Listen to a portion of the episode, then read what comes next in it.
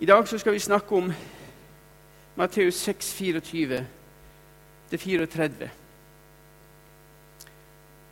Var det 1 time og 15 minutter talte, sa du?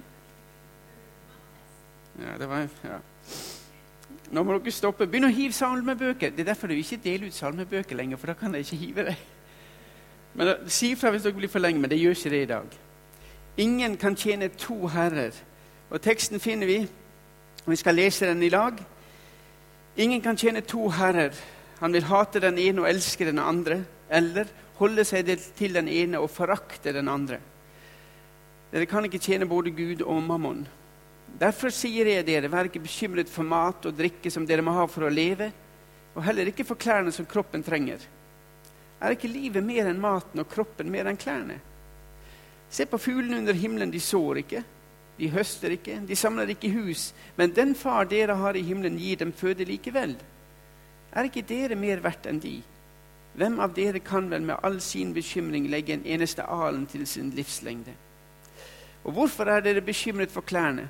Se på liljene på marken, hvordan de vokser. De arbeider ikke, spinner ikke, men jeg sier dere, selv ikke Salomo i all sin prakt var kledd som en av dem. Når Gud kler gresset på marken så fint, det som står der i dag og kastes i ovnen i morgen, hvor mye mer skal han ikke da kle dere? Så lite tro dere har. Vær altså ikke bekymret og si 'Hva skal vi spise?' eller 'Hva skal vi drikke?' eller 'Hva skal vi kle oss med?' Alt dette er hedningen opptatt av. Men den far dere har i himmelen, vet at dere trenger alt dette.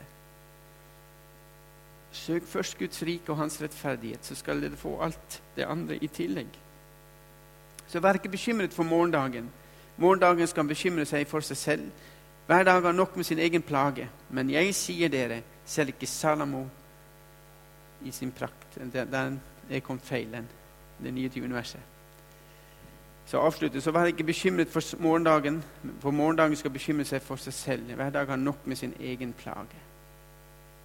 Jeg takker og jeg priser Herre Far, for ditt ord. Takk for den, det bildet du har gitt oss, Jesus. Takk for at du sier at du bryr deg så uendelig mye om oss.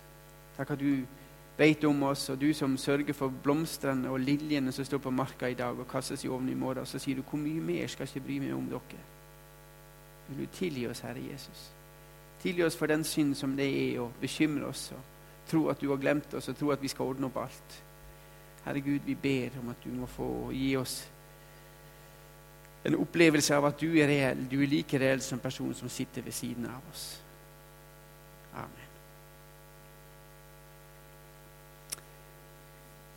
Hvis dere går gjennom Skriften, eller Bibelen, og så ser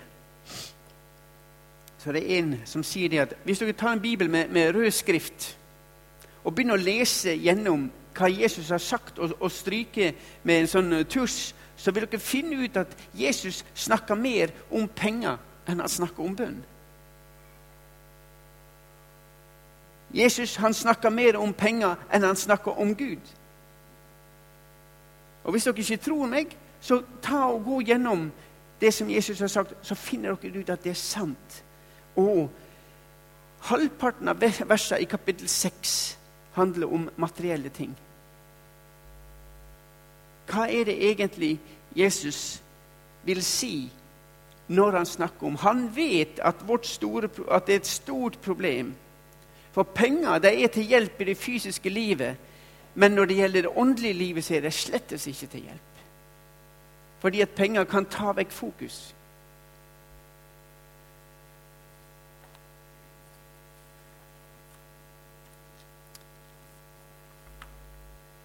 Og det er det to gale holdninger til dette her, med penger. Og det er det å ha for mye og det å ha for lite. Og eh, det er ikke synd å ha penger. Det er ikke synd å ha penger. Men det å ha for mye, det, blir, det ser vi ofte på kan være en stor synd. Hvis de ser på veldig rike folk og hva de kjøper, og hva de bruker pengene sine på. Og Hovedverset for det som vi har lest nå Vi må gå tilbake til vers 21 i teksten. For der står det at eh, For der skatten deres er, der vil òg deres hjerte være. Så det å ha for mye penger Det er ikke galt, men måten du bruker pengene på, kan gjøre at det blir galt. For vi trenger penger. Vi trenger penger til å overleve. Og så har du da den andre delen, det å ha for lite.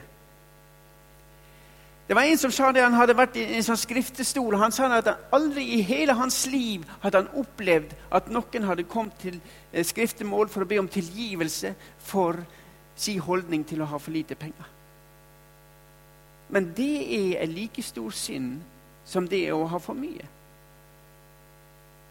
Fordi det du kan havne opp i da, er det at du ser, du, du ser konstant på at du har for lite penger.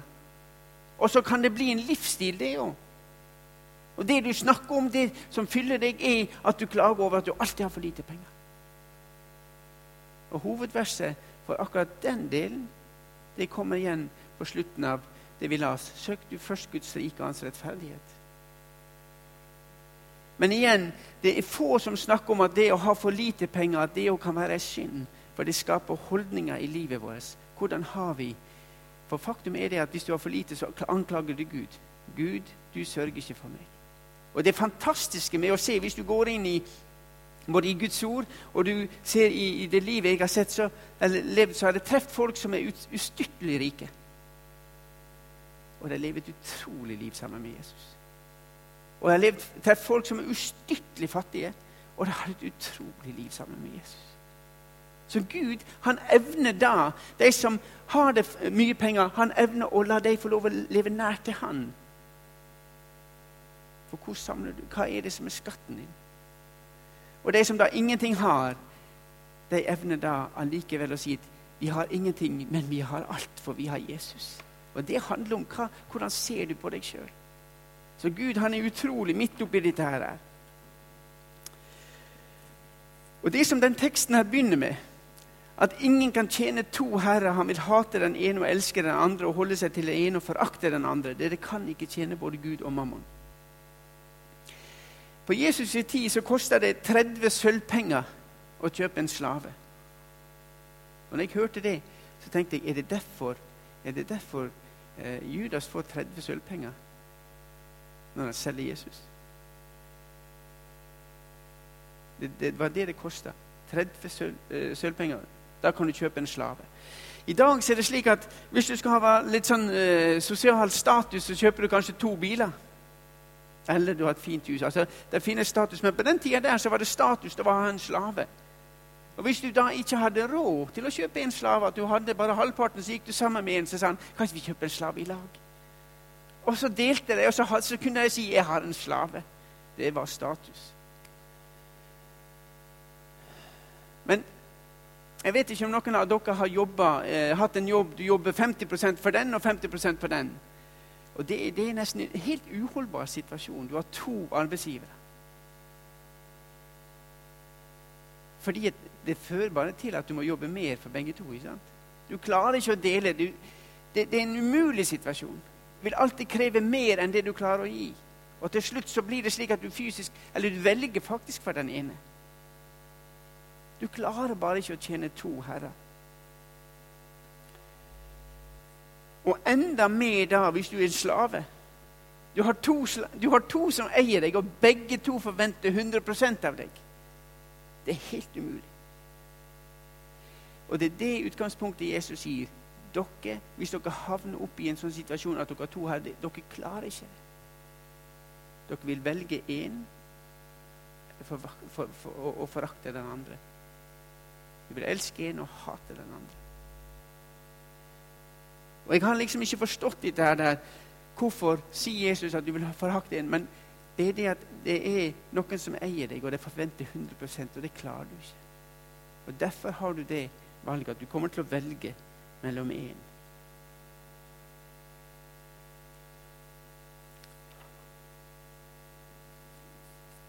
Og Jeg har lyst til å gå inn på det første. Det første problemet jeg vil ta opp, dette med det å ha for mye penger. Altså det, det handler om, om, om det er to ting. Enten kan du ha for mye penger eller for lite.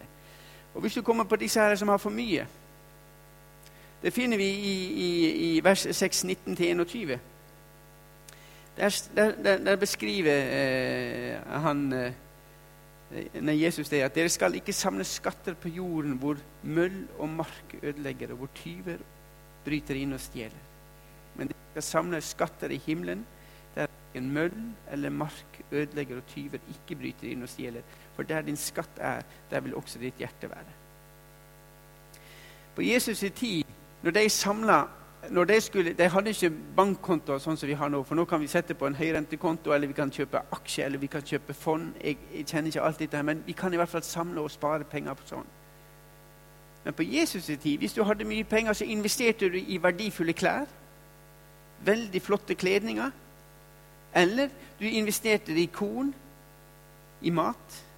Eller du investerte da i, i penger eller verdi, verdifulle metall. Det var de tre tingene de kunne spare i. Og Det er derfor Jesus sier samle dere ikke skatter på jorden hvor møll Og da tenker han på klærne. At Hvis du har verdifulle klær og de henger i skapet, og du får møll inn, så ødelegger det totalt. Da er, det, da er verdiene ødelagt. Korn, Hvis russ kommer inn i kornsiloen, korn, så ødelegger han hele kornet. Eller tyver kommer og stjeler. Han sier hvis dere bygger dere, bygger dere på det, så kan dere miste alt. Men så sier han men dere skal samle skatter i himmelen der verken møll eller mark ødelegger og tyver bryter inn og stjeler. Hva betyr det?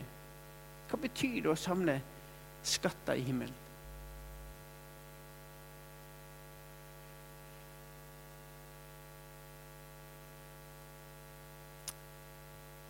Det som, det som vi samler her på jorda, det får vi ingenting med av.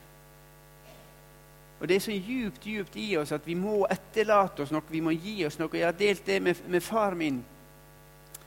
Eh, de reiste ut til, til, til eh, Hongkong i 1981, og da solgte de hus, og så reiste de ut. Så kom de tilbake i, ja, i 90-tallet. Og etter det så, så, kjøpte de seg aldri hus igjen, fordi at prisene gikk opp, og de fikk ikke fred for å gjøre det. Og så satt jeg og snakka med henne en dag. Og Så sitter han med tårer i øynene og så sier han, Ole, jeg har ingenting å etterlate. Jeg har ikke noe hus. Jeg har ikke en arv som liksom, når, når, når jeg reiser, så kan dere selge hus og cashe inn og få penger. Jeg har ingenting å gi dere. Og så gråter han. Så sto jeg og så på han, så, så, så, så, tenkte jeg Gud, hva skal jeg si til han? Og så datt det ned i meg, og så sier jeg, pappa, sa jeg, hva skulle jeg med et par million hvis jeg ikke kom til himmelen? Du har gitt meg det, det, det største av alt. Du har gitt oss alle troa på Jesus Kristus. Alle vi søsken har tro på Jesus. Om jeg har hatt en million, men har gått til helvete, hva skal jeg med det? Du har gitt meg det som er mest verdifullt. Men pappa han har samla skatter i himmelen. Og han skal få lov å treffe oss igjen der. Og det er det Jesus snakker om, å samle skatter i himmelen. Samle skatter slik at du kan få lov å treffe deg igjen. Jeg skal komme litt inn på, på, på, på Jesus. Han nevner tre forskjellige ting her. Eh, om det med penger. Matteus 25, Lukas 16. Dere kan lese om det når dere kommer hjem. Og 1. Timotus 6.10 fortelle. Jesus gir oss disse kapitlene for å vise oss hva, hvordan skal dere bruke pengene deres. Og den utrolige historien som da Jesus forteller om den uærlige forvalteren, som lurer sin, sin herre, og han får beskjed at du har vært en dårlig forvalter, og du skal miste jobben. Og når han, mist, når han skal miste jobben, så kaller han da sammen alle disse som skylder hans herre penger. Og så spør han deg hvor mye skylder du. Jo, 100, 100 tønner korn. Ok, skriv, skriv 80. Jeg ettergir det 20. Og så kommer en annen. Jo, han skyldte så og så mye olje. Ja, skriv halvparten. Og så, og så, han, så er han uærlig. Men han gir, ettergir gjeld til disse menneskene. Og så sier Jesus Han er dyktig. Og vi vil vel si at Jesus bruker en uærlig person til å lære oss noe. Hva er det han egentlig ønsker å lære? To ting er det vi skal lære av den. Og jeg, eh, Det er en hel bibeltime om den historien òg. Men den mannen, det han hadde lurt til seg, han brukte det ikke på ting. Han brukte det ikke heller på seg sjøl, men han brukte det på mennesker. Han investerte i folk. Og han investerte òg i fremtida, for han tenkte den dagen jeg kommer og ikke har noen ting, da vil jeg få det igjen. Så han investerte i fremtida, han brukte ikke pengene her og nå. Og det er det Gud vil fortelle oss, eller Jesus vil fortelle oss gjennom dette. Pengene våre burde vi bruke på personer. Og pengene burde vi bruke med tanke på fremtida. Og da sier Jesus fremtida for dere er himmelen. Og når vi snakker om å investere i personer, så er det beste vi kan gjøre, det å bruke pengene våre i misjon. For hva er det misjonen gjør? Jo, den går ut i verden. Verden for Kristus, sier NLM. Verden for Kristus. Og den dagen dere kommer igjen, hjem til himmelen og får lov å treffe personer som kommer til dere Tusen takk for det du investerte i misjonsarbeid fordi at jeg ble vunnet for Jesus. Det er de skattene dere skal få. Det er de skattene det handler om å, å samle skatter i himmelen. Og Jeg er overbevist om at dere som sitter her, når dere kommer hjem og dere har klart det, så vil dere treffe folk som sier 'Tusen takk for at du var med, for uten det du var med å gjøre, hadde jeg aldri vært her'. Det er det vi driver på med, folkens. Det er det NLM handler om. Det handler ikke om å få vite nå hvor mye vellykka har vi vært nå i Somaliland, hvor mye vellykka har vi vært i, i, Kenya. Det får vi vite om den dagen vi kommer hjem, når de kommer mot oss i hundrevis. Det er det dere investerer i, og det er det Jesus sier. Invester, bruk pengene deres sånn. Bruk det på personer, og vinn dem for mitt rike.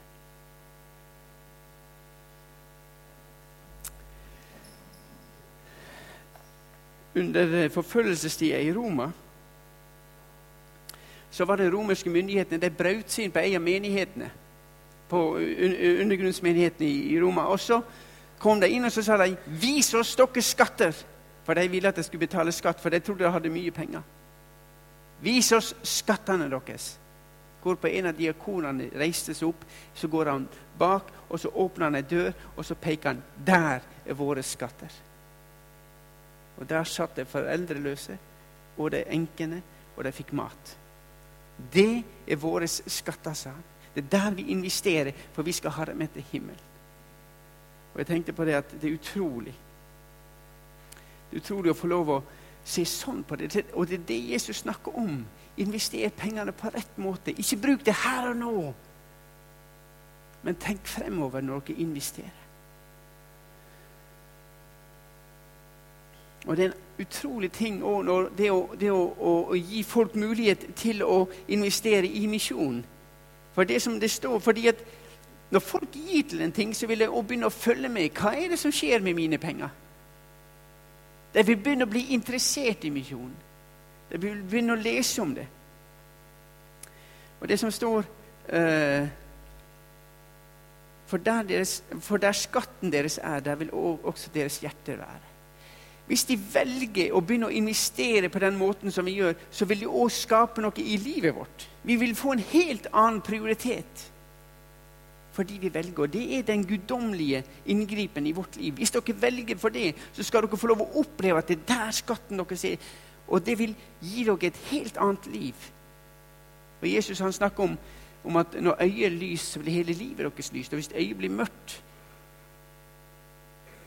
så vil livet deres bli mørkt. Men hvis dere velger den, det som jeg snakker om, og investerer for fremtida, så vil det òg forvandle livet deres.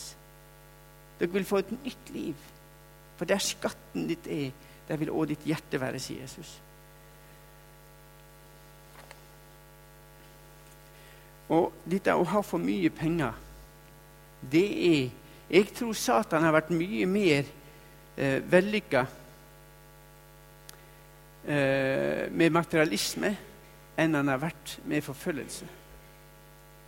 I Romania var et av de landene der vi jobba mest i, der vi egentlig smugla flest bibler inn til i Øst-Europa, foruten det som vi gjorde i Sovjetunionen. Vi klarte ikke å ta inn så mye til Sovjetunionen, for det var mye strammere. Men Romania hadde et utrolig eh, vekkelsesliv eh, på den tida der. I 89 så falt muren. Og jernteppet falt, og det begynte å bli, bli frihet. Og da sier kristenlederne inne i Romania at 95% av alle kristne som ble satt på prøve gjennom forfølgelse, ble stående i troa.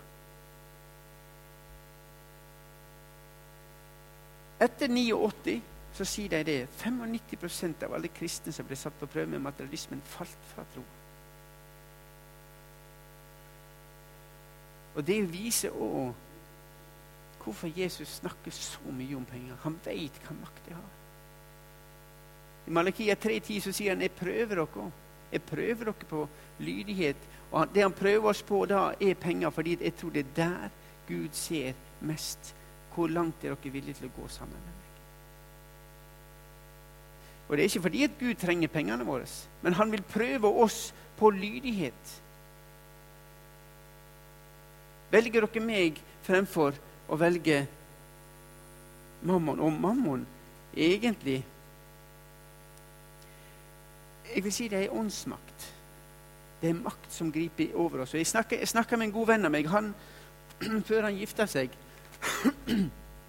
så hadde han bestemt seg for han skulle begynne å spare litt. Han, han, eh, han, sparte på den måten at eh, alt han tjente, det sparte han. Og han, han unnte seg ikke en sjokolade engang, sa han. han. Jo mer han fikk på banken, jo mer ble det slik at han gikk inn på, på, på en, eh, var ute og kjørte han, 'Jeg har lyst på en is.' 'Nei, forresten.' 'Nei, jeg setter på, på bank.' Altså, Jeg ble så gjerrig, Ole, sa han. Og han ble Jeg kom til det punktet der han sa at jeg opplevde at jeg hadde sånn makt over meg at til slutt så gikk jeg og brukte opp alle pengene. Gjorde du det? Jeg kjøpte meg en kanonbil, sa han. Men, ja, men var ikke det dumt? Jeg vet ikke, jeg, sa han. Men det jeg har lært, sa han, er at penger griper deg. Og det er det, der, ditt hjerte, der din skatt er, der vil også ditt hjerte være. Men igjen, det er ikke galt å ha mye penger. Men det, det blir galt i det øyeblikket at disse pengene og disse verdiene som vi har, blir mer viktige enn personene rundt oss, da har vi et kjempeproblem. Og Det målet du kan sette på det, er verdiene våre med materielle tinga, er pengene våre mer viktige enn personene rundt oss, da må du, da blinker alle lampene.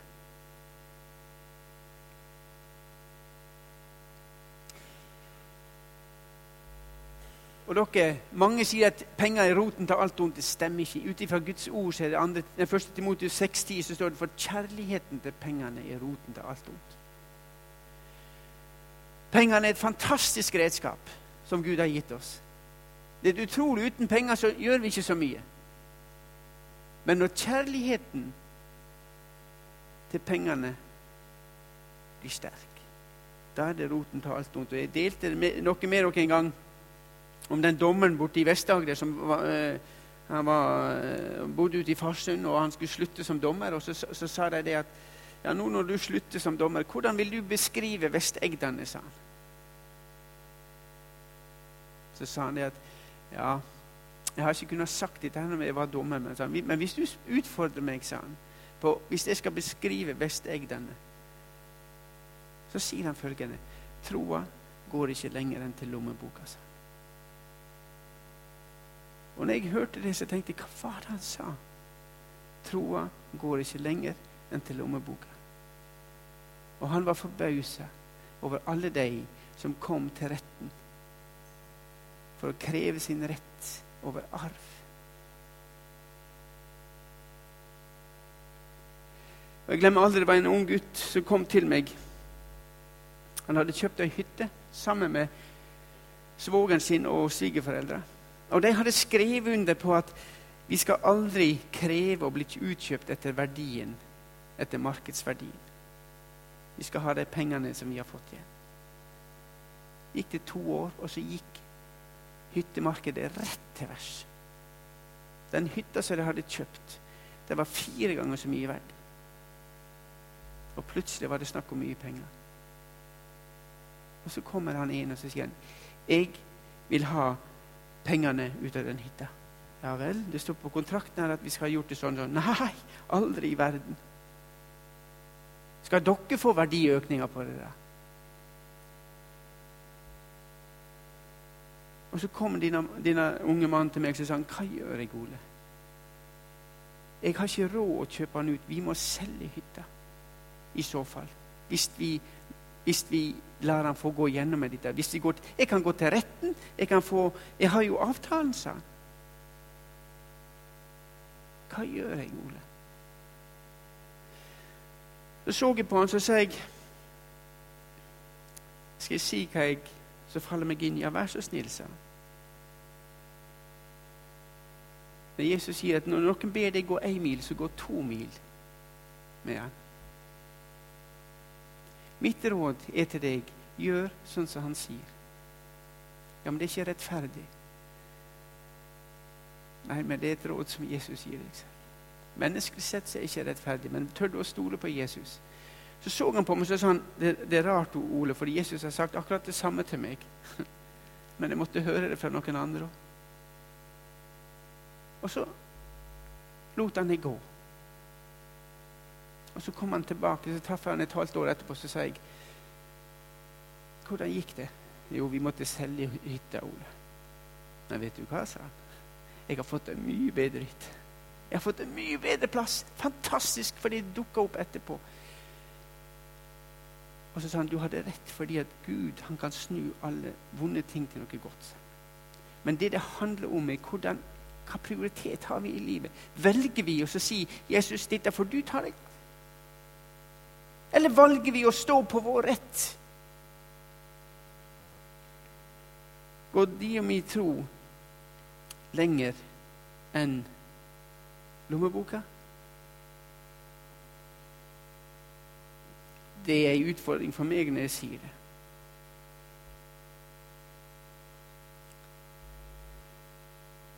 Så går vi over på den andre delen, den nummer to, det å ha for lite penger. Det finnes mange av dem jo.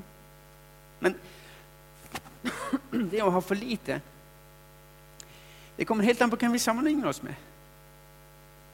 Eh, som jeg fortalte om disse tyrkmenerne som eh, bodde nede i Halden. Jeg hadde 2000 dollar utbetalt i, året, nei, i måneden. Og jeg spurte hvordan klarer dere dere? De hadde kjøpt seg hus, de hadde kjøpt seg bil. De levde, de, de klarte å betale regningene sine. Så sier han Ole, hvis jeg sammenligner meg med nordmenn, så har, jeg, så har jeg veldig dårlig råd. Jeg har ikke mye penger. Men hvis jeg sammenligner med tyrkmenerne, så har jo, jeg er steinrik. sa han. Og hva er definisjonen på rik?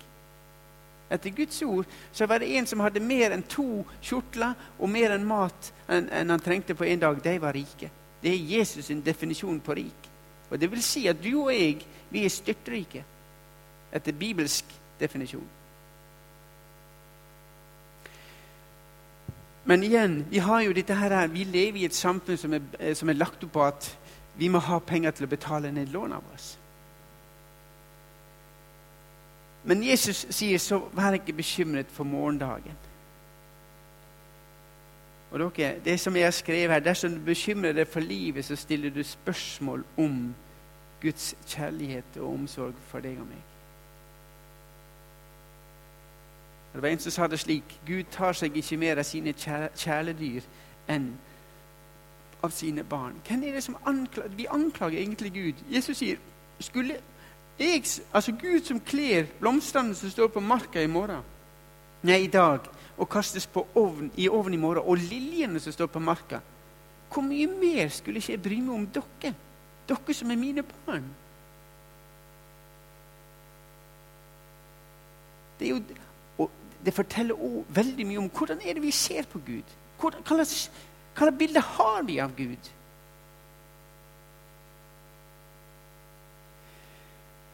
Det var En som kom til meg han var på, på konkursens rand.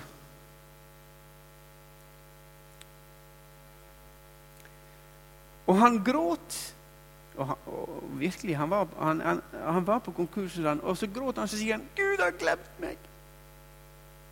Dette er en misjonær som har vært ute. 'Gud har glemt meg'. Så sier jeg til han, 'Det er ikke sant. Det du sier, er løgn.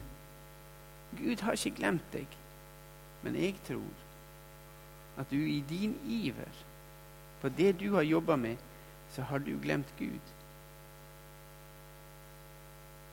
Og det ble blikkstille. Og dere er ikke det typisk det. Vi gjør våre investeringer, vi gjør våre valg, og når det går galt, hvem får skylda? Jo, Gud har glemt oss. Men faktum er at det er ikke han som har glemt oss. Det er jo vi som har glemt han. Gud, han vet om oss. Og vi lever et kristenliv der vi prøver å leve så langt ut i periferien, vekk fra Jesus, nok til at når vi trenger han, så kan vi hive oss tilbake. Det er måten mange kristne lever på i dag.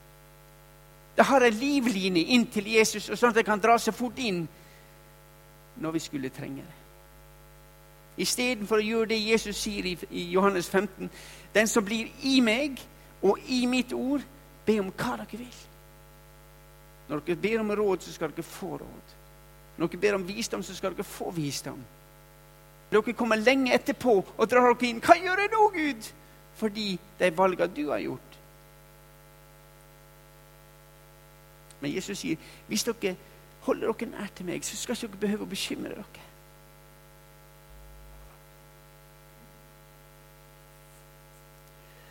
Og Det som er et problem, er jo ofte at mange tror at Jesus sier til oss at dere må gi vekk alle pengene deres. Han har ikke sagt det noen plass i denne teksten. her. Han har ikke sagt noen plass at dere må gi vekk alt det dere eier. Han bare sier 'invester klokt'. Det dere bruker pengene, bruk det på en klok måte. Bruk det på personer så dere kan få lov å treffe henne i himmelen. Invester i fremtida. Ikke bruk pengene her og nå. Men, men, han har ikke sagt at vi skal gi vekk alt. Og det er det som sitter så djupt inni oss. Jesus, jeg trenger jo noe.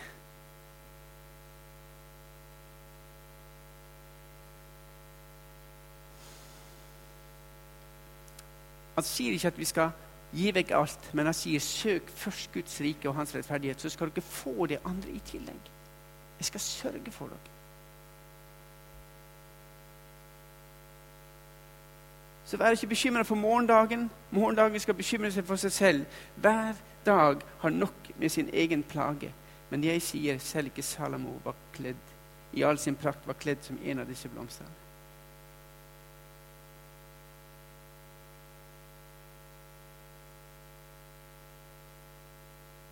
Og vet du hva? Vi lever veldig kunstig.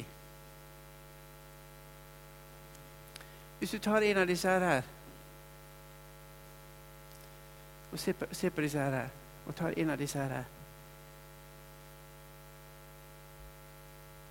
Sånn i, i, i utgangspunktet så, så, ser de veldig like ut. Men når jeg står og holder på dem, så kjenner jeg forskjellen.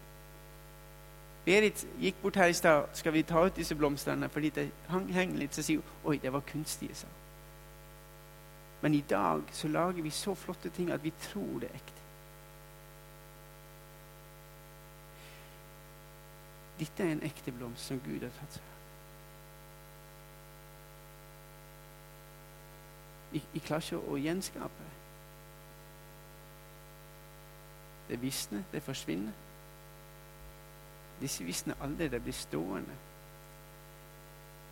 Men det er ikke liv. Vet du hva? Det ser flott ut, men det er ikke liv. Dette er liv. Og du, vi tenker, Jesus sier, dere tenker mer, mer på maten og på klærne. Dere tenker mer på utsida, det som står på utsida. Men er maten, er klærne, mer enn liv? Det er jo liv som teller, folkens. Er, har vi liv? Spinner det åndelige liv i oss? Og hvordan kan det skje? Jeg delte en historie om, om Njål Haugland, som, som, som, eh, var den motorsykkellederen borte i Sandnes som kom til tro. Han levde et vilt liv. Familien hans var frelst, og de ba i mange år for Njål. Og Den dagen Njål, Gud kalte på Njål, så var han på motorsykkelsenteret på, på Sandnes. Og så sier Gud til Njål Hvis du dør i dag, hvem roper du på da? Så sier Njål navnet på bestekameraten. Feil svar, sier Gud. Og da, da snakker Gud med en mann som ikke kom til tro, men mange ba for ham. Så sier de, Gud, hvis du dør i dag, hvem roper du på?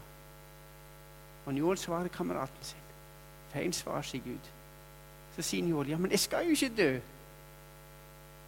Så fortalte Njål, og i det øyeblikket stoppa hjertet mitt. Og jeg visste at nå dør jeg. Og da ropte jeg på Jesus. Og da tok han imot meg. Fra den dagen har den mannen vært frelst. I dag så jobber han i Tunis som, som, som teltmaker. Og Han fortalte da han kom på, på, på kafeen i Sandnes, eller på Bryne, som de drev. Så satt han der en dag sammen med kristenlederne og så drakk kaffe. og så så sier Gud til Njål eh, si at Jesus lever. Ja, nei, det vet Gud. De vet jo det. Ja, men sprett opp og si det. Og så spratt Njål opp og sa 'Jesus lever', sa han, og det, kopp, det sølte med kaffe, og alle de som satt og drakk der. Og de liksom fikk tørke opp, og så sa han ja, 'Vi vet det, Njål. Sett deg ned'. Og Njål ble minnet nummer to. Så sier Gud 'Si at jeg lever'. Nei, Gud, de, de vet jo det. har jo sagt en gang. Si det. Og han spredte opp. 'Jesus lever!' Og da var det litt mer forberedt. Og 'ja, ja, vi vet det, Njål.' Og så setter han seg ned igjen. Og så sier Gud tredje gangen til Njål, 'Si at jeg lever'. Og da spratt Njål rett opp, og så sier han, 'Jesus lever!' Og så sitter disse kristne med sånn ja, ja, vi vet det, Njål. Vi vet det.' Og så kommer det spontant fra Njål. Men har dere erfart det? Har dere erfart at Jesus lever, eller er det blitt en vane for dere? Og dere, livet er mye mer viktig enn det ytre. Den blomsten ser fantastisk ut. Og kanskje er det et bilde på oss. Vi, viktig, vi, vi må være pent kledd, vi må ha fine hus. Men det finnes ikke liv. Kanskje det finnes noen her som er, som er brukken stilk. Og kanskje du føler deg slik at jeg er ikke så vakker. Jeg, har, jeg er litt sånn pjusk i, i bladene mine. Men det gjør ingenting, for jeg har liv. Jeg lever. Og det er det Jesus sier. Livet er jo mye mer viktig enn det vi har på oss. Og maten som vi spiser. Kroppen er mye mer viktig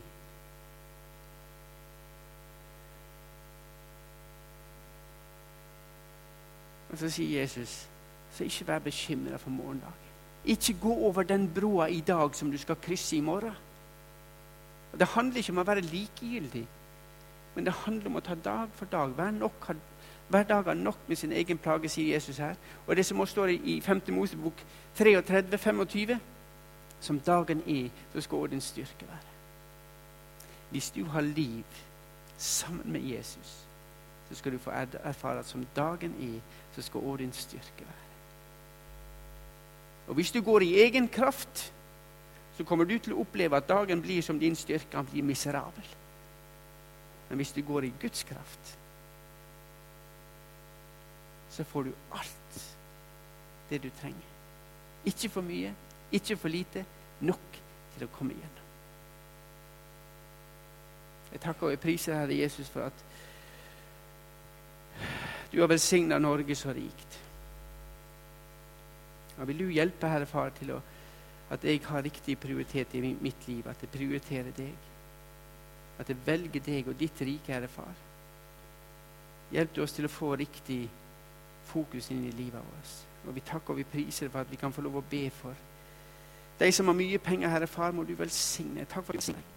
Til mange velsignelse for mange. Og, og Herre Far, de som ikke har så mye, må du være med deg, og la deg få lov å få rett prioritet i livet, slik at de prioriterer og fokuserer på deg, Jesus, og ikke på sine vanskeligheter. Takk, Jesus, at du kan fylle alt i alle i den situasjonen jeg er i. Må du velsigne hver enkelt i Jesu navn.